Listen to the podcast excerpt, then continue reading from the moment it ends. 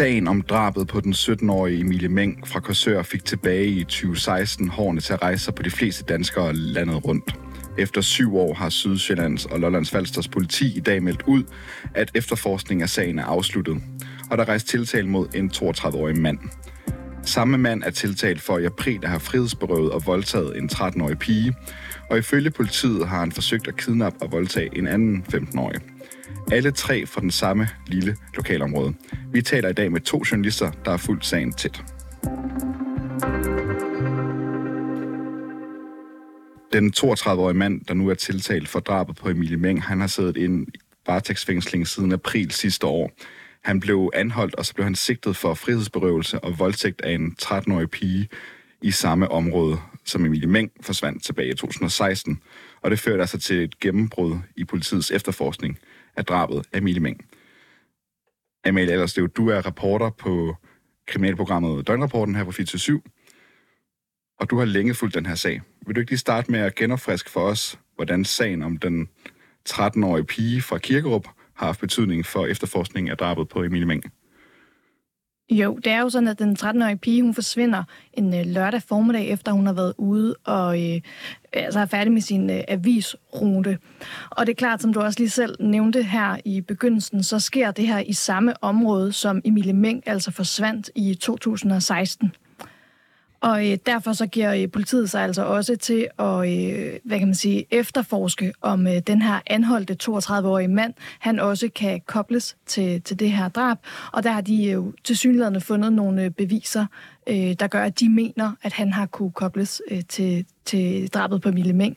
Blandt andet øh, så havde han den her øh, lyse Hyundai-bil, som man efterlyste på øh, gerningstidspunktet, eller omkring gerningstidspunktet. Og, øh, og så har der været nogle øh, forskellige fund og så videre på hans adresse her efterfølgende, som øh, politiet altså mener, at, at øh, har kunne knytte sig til drab på Emilie Meng. Og nu er der så endelig rejst tiltale i sagen. Hvad lyder den på? Jamen, der er jo så rejst tiltale i hvad kan man sige, for tre sager. Den første, det er selve Kirkerup-sagen, øh, hvor den 13-årige pige, hun forsvandt. Der er der øh, blandt andet rejst tiltale for langvarig frihedsberøvelse, voldtægt og drabsforsøg. Det er altså det nye, vi har, øh, vi ligesom er, som er kommet frem til offentligheden i dag. Det er, at der også vil blive rejst, eller der er også er rejst tiltale for drabsforsøg mod den 13-årige pige. Så er der Emilie Meng-sagen. Der er han tiltalt for langvarig frihedsberøvelse, voldtægt og drab. Så er der den sidste sag, der handler om en øh, efterskoleelev fra Sorø. Her er der tale om forsøg på langvarig frihedsberøvelse og forsøg på voldtægt. Noget af det, jeg hæfter mig ved, ved den pressemeddelelse, som politiet har sendt ud i dag, det er, at der står blandt andet under alle tre punkter. Det vil sige, at der er altså flere tiltalepunkter, end dem vi kender til på nuværende tidspunkt. Ved vi noget om, hvad politiet har beviser mod den tiltalte mand? Der er flere beviser i sagen. Øh, hvad kan man sige? Først og fremmest, så med den 13-årige pige fra Kirkerup, så blev hun jo fundet og reddet ud øh, fra hans adresse. Dernæst, øh, hvad kan man sige, i forhold til Mille Meng-sagen, der ved vi, der er nogle DNA-spor. Hvad det er, det ved vi på nuværende tidspunkt ikke. Så er der bilen, og så er der altså også gjort en eller anden form for indkøb dagen før øh, drabet på Emilie Meng, øh, og det her indkøb skulle være blevet øh, altså, han skulle have gjort et indkøb i Harald Nyborg. Øhm, så er der fundet forskellige billeder og video øh, på hans computer, andre kort, korte oplysninger øh, fra, at han skulle have været i området. Det er ting, vi ved fra tidligere kendelser, der, øh, der har været ude i forbindelse med retsmøder, der er blevet holdt i sagen. Sydsjællands og Lollands Falsters politi, de har offentliggjort, at der er rejst tiltale mod den 32. mand, men vi har ikke fået et anklageskrift endnu. Hvornår kan vi forvente at se det? Det er sådan, at der skal gå, at øh, før et anklageskrift kan blive udleveret til offentligheden, så skal der gå syv dage fra at det er blevet forkyndt til den, øh, to, for den 32-årige. Så det vil sige, at øh, også medier kan forvente at få øh, det her anonymiserede anklageskrift i indbakken om en uges tid. Og hvad kommer der så til at ske nu? Jamen, hvad man kan sige, nu er man jo egentlig lidt i en øh, venteposition.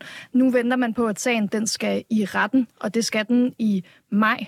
Så øh, det er egentlig det, man, hvad kan man sige, man går og venter på nu. Det er sådan, at sagen har været forhåndsberammet, som det hedder. Man havde allerede fundet datorerne, inden der var rejst tiltale. Så dermed så vidste man godt, at, den her, at der vil formentlig blive rejst tiltale på et tidspunkt, og, og at sagen skal i retten. Det er ligesom det, øh, man går og venter på nu. I den pressemeddelelse, som politiet har sendt ud i dag, der er specialanklager Marie Bindslev citeret for at sige følgende.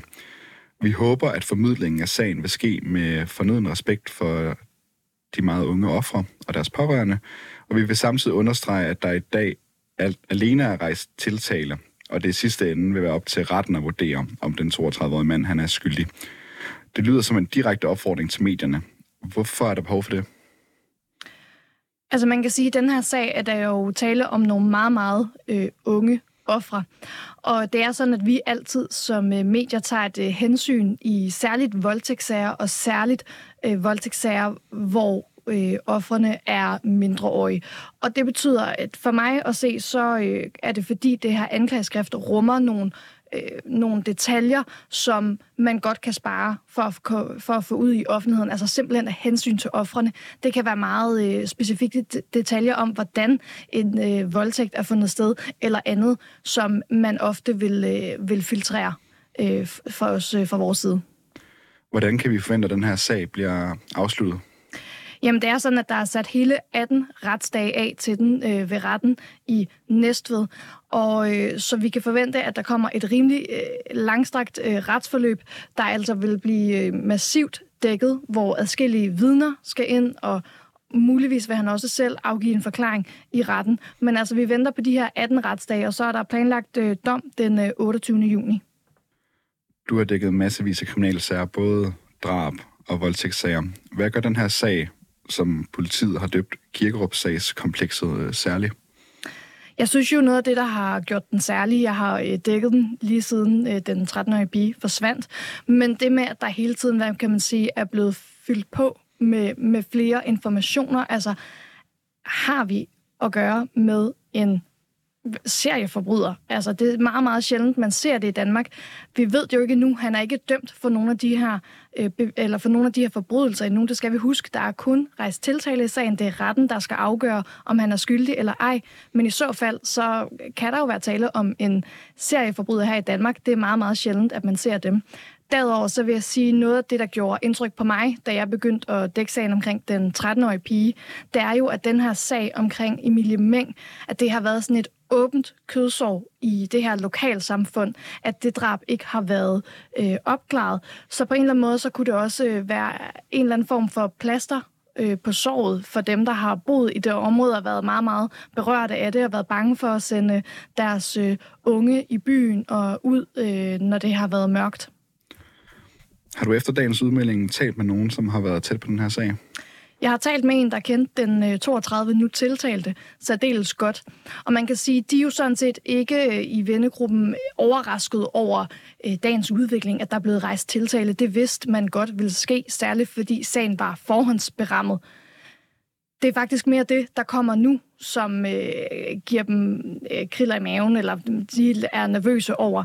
Fordi de ved jo ikke Øh, de nøjagtige detaljer, og der kommer til at komme langt flere detaljer frem, allerede når vi får anklageskriftet i næste uge, og så også når retssagen kommer til at køre.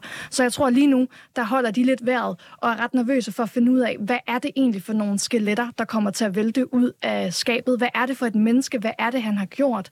Øh, og som vi ligesom, altså et menneske, vi har siddet over for, hvad er det, der er foregået i hele den her rumtid? Det er jo klart, at den her sag er kommet enormt, enormt bag på dem. Så, øh, så de er øh, ret nervøse for at finde ud af det nærmere omfang i, i den her sag. Amalie Erslev, journalist på Døgnrapporten på 47. Tak for, at du gad med.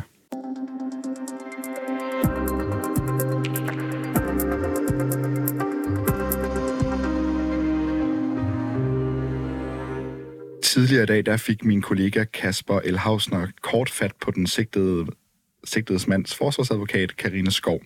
Og han starter med at spørge hende om, hvad hendes reaktion er på, at der nu er rejst tiltale mod hendes klient. Jamen, jeg kan sige, at det, jeg kan oplyse, det er øh, holdningen til de punkter, der er rejst tiltale for. Og der er en delvis erkendelse i sagen fra Kirkerup, men man nægter sig skyldig i det nye punkt, der er kommet. Øhm, man nægter sig skyldig i sagen fra øh, Korsør og sagen fra Sorø. Ja, og, og sagen fra Kirkerup, hvis vi lige skal tage den, det er bortførelse og voldtægt og forsøg på drab på en 13-årig pige. Og der er altså en del af de forhold, som din klient erkender. Kan du sige noget om, omkring det? Nej, det kan jeg ikke komme nærmere ind på nu. Øh, det kommer frem øh, i retten. Okay.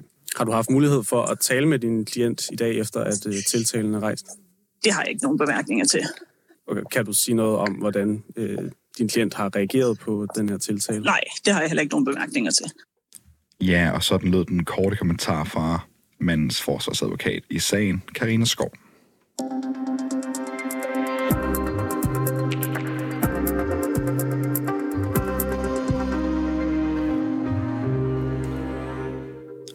Men hvem er manden, som er tiltalt i sagen egentlig? Det er et spørgsmål, som de fleste spørger sig selv om nu. Og Ida Marie Lomholdt Wisman, du er journalist på TV2 og stod bag kameraet i TV2-dokumentaren, som hedder Emilie Meng, et skridt nærmere opklaring, som tegner et portræt af den sigtede 32-årige mand. Det gjorde du blandt andet, fordi du selv kom i samme kredse i Korsør, som den nu tiltalte 32-årige mand. Hvad betyder den her sag for dig?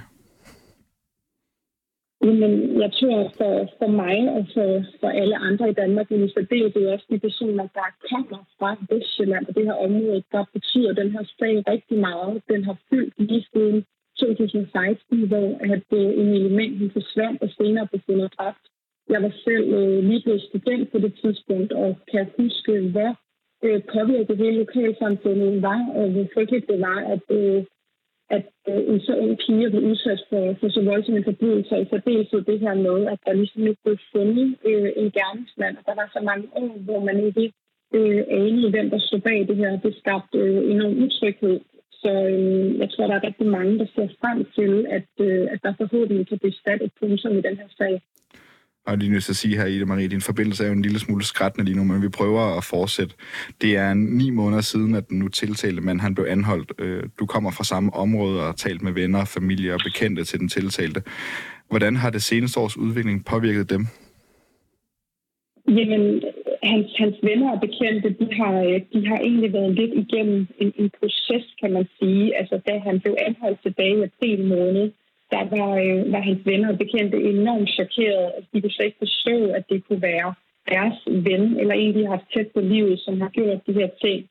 Jeg har også talt med dem løbende, og der er ikke nogen tvivl om, at, øh, at mange af dem har været ja, igennem en proces, hvor de først ligesom har skulle acceptere og forsøge øh, den her sigtelse, men der er også flere af dem, der beskriver, at, øh, at det er sådan, at der er nogle brækker, der er faldet på plads for dem, og, øh, og der er ikke ret mange af dem, jeg taler med, der, der tror på hans uskyld længere. Øhm, men han er selvfølgelig ikke dømt nu, skal du huske at sige. Hvad ved vi om, hvad han var for et menneske? Eller er for et menneske? Jamen, øh, det er jo selvfølgelig begrænset, hvad vi kan sige, fordi der er navneforbud i sagen, mm. men i hvert fald på overfladen var han en, en relativt almindelig ung øh, mand, Altså han havde, han havde venner og familie, og han havde jo også et, øh, et godt job, hvor han var chef for en del mennesker. Han havde sin egen, sin egen bil og sit eget hus, så, sådan, så på overfladen har han jo i hvert fald klaret det godt. Men, men, men når jeg taler med de personer, som kender ham godt, så er der heller ikke nogen tvivl om, at der var nogle, nogle ting, han havde problemer med. Han havde blandt andet øhm, nogle sociale udfordringer, eller udfordringer i sociale sammenhæng, øh, svært ved at snakke med kvinder, og generelt øh, havde han det bedst i sådan mindre, øh, i mindre flok. Han var ikke god til, til rigtig mange mennesker. Ja, for hvad, hvad, hvilket liv var det, han levede, før han blev anholdt? Jamen, som sagt, et, øh, et, et relativt almindeligt liv. Altså, han havde jo rigtig gode venner, en lille flok af rigtig gode venner tæt på sig, og et, øh, et fint forhold til sin mor og far og to søskende, og jeg gik på arbejde hver dag. Jeg arbejdede som, som, som chef i en mellemstor virksomhed, havde egen bil, eget hus, øh, så på overfladen, og, og dem, der ligesom kendte ham i periferien, som jeg selv gjorde, så virkede det som en, øh, en mand, der egentlig havde, havde relativt godt tjek på tingene, og der er jo heller ikke som sådan noget øh, unormalt i at være generet og tilbageholdende. Det er der jo mange mennesker, der er. Så øh, det er i hvert fald ikke sådan, at, øh, at, at jeg eller nogen andre, der kendte ham øh, som perifært, har, øh, har tænkt, at der var noget mærkeligt ved ham.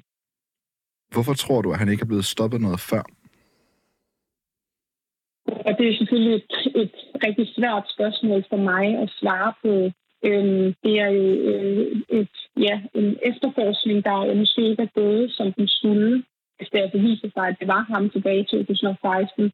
Altså, vi har jo også på TV2 gravet frem, at der var nogle spor, som politiet kunne have gået efter den gang, men det er jo af, af en eller anden grund ikke lykkedes dem at, at finde ham. Men som jeg også øh, har talt med en, øh, en profileringsekspert om, så er der jo nogle af de her serieforbrydere, som på en eller anden måde formår at gå under radaren, netop fordi, at de på overfladen lever et, et relativt normalt liv. Altså, det har vi jo også set i andre sager. Ammermanden for eksempel. Altså, der gik jo også lidt tid, inden, inden, øh, inden han blev stoppet. Men hvorfor det lige præcis ikke er lykkes øh, politiet at få fat i ham med før, det, det kan jeg også ikke svare på. Hvornår kom han første gang i politiets søgelys?